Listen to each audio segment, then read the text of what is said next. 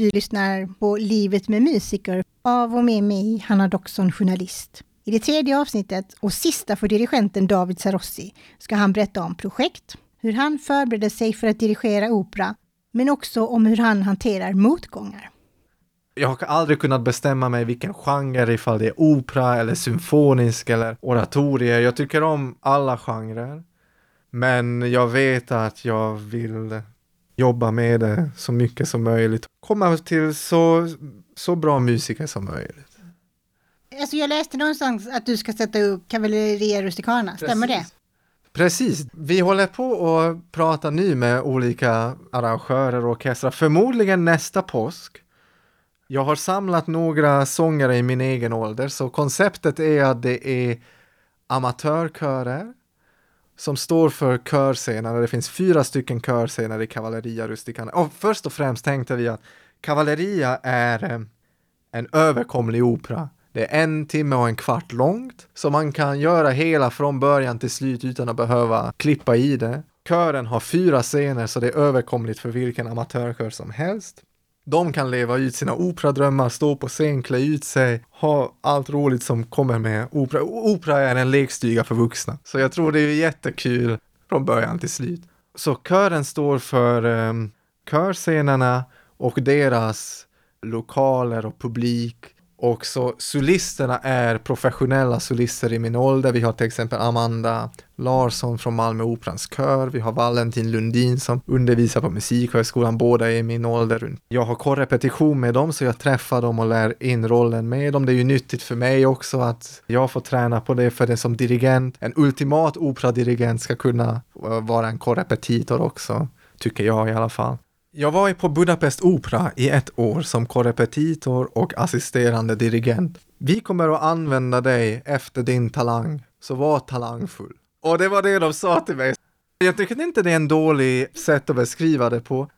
För på operan det är alltid kaos. Det är ju så många människor som är inblandade. Alltid någon som blir sjuk, någon trillar ner för trappan, någons barn, jag vet inte, slog ut sina tänder och de måste in på sjukhuset. Alltså att det är alltid kaos.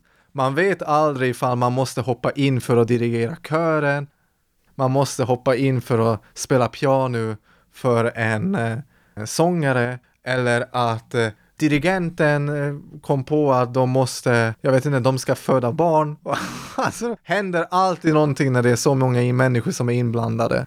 Så ja, man fick verkligen vara beredd på att man visste aldrig riktigt vad som kommer hända den dagen när jag gick in till jobbet. Och det är ju kul på sitt sätt, man måste ha rätt personlighet för att kunna passa in i det. Det är ju många musiker som väljer symfoniskt just på grund av det att när, ofta när man jobbar i symfoniorkester då har man i alla fall någon sorts schema att följa. På opera är det, vi planerade aldrig längre än två veckor framåt. Vi visste aldrig vem som kommer dyka upp den dagen, vem är sjuk.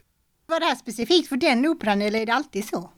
Jag tror det är ofta, oftast så. Alltså att, särskilt med sångare, du vet, man måste ju vara om de, de har en, alltså om de blir förkylda så vill de ju inte komma, gå runt och lida hela dagen. Kören kan ju ha att det är någon, det är så många kostymer, det är rekvisita, de ska prova kläder. Alltså det är så mycket organisation runt om så det är lätt hänt att det är någon misstag som går in och oj, där försvann halva kören för att de måste prova någon kostym. Öh, och nu har vi två timmar innan de kommer tillbaks, vad ska vi göra? Jo, vi har repeterat det här istället.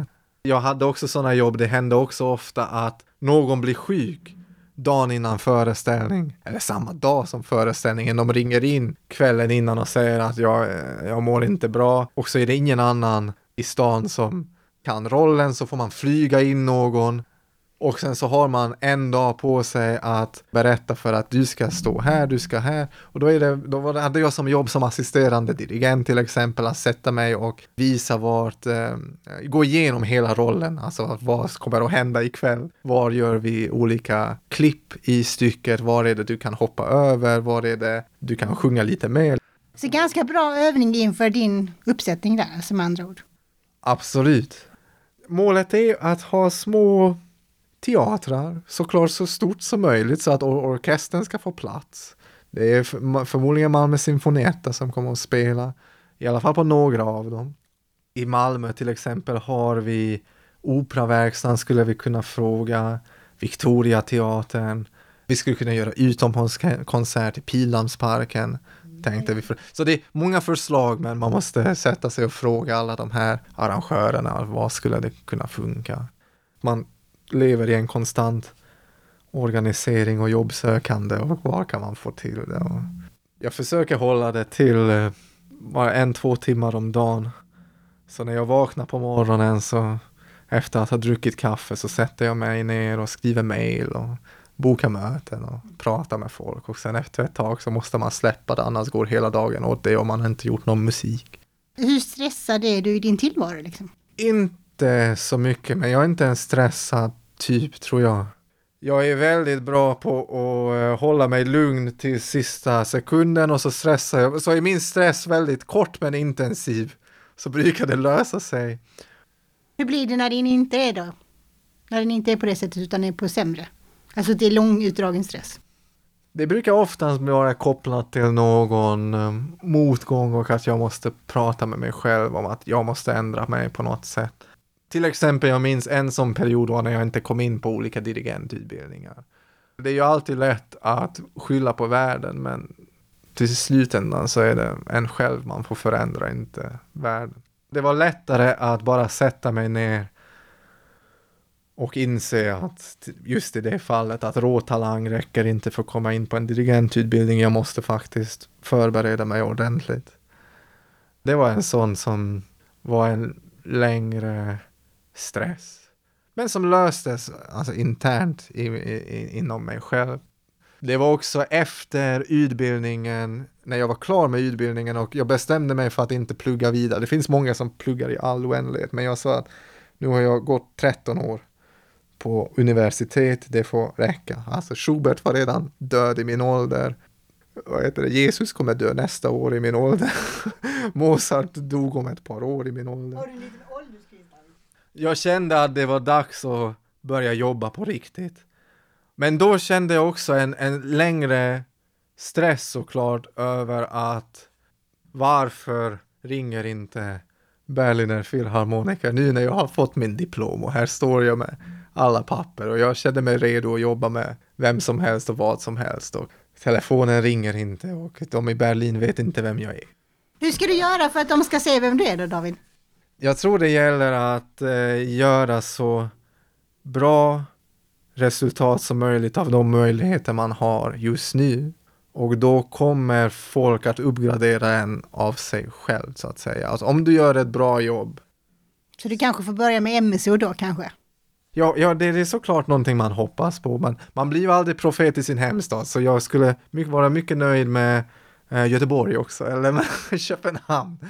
Men eh, till exempel, det skulle vara en sån sak att någon kommer och lyssnar på Malmö Sinfonietta och tycker, ja ah, men det var ju en bra jobb som dirigenten gjorde, vi kan kanske testa att ge en nallekonsert på MSO och den nallekonserten gick bra.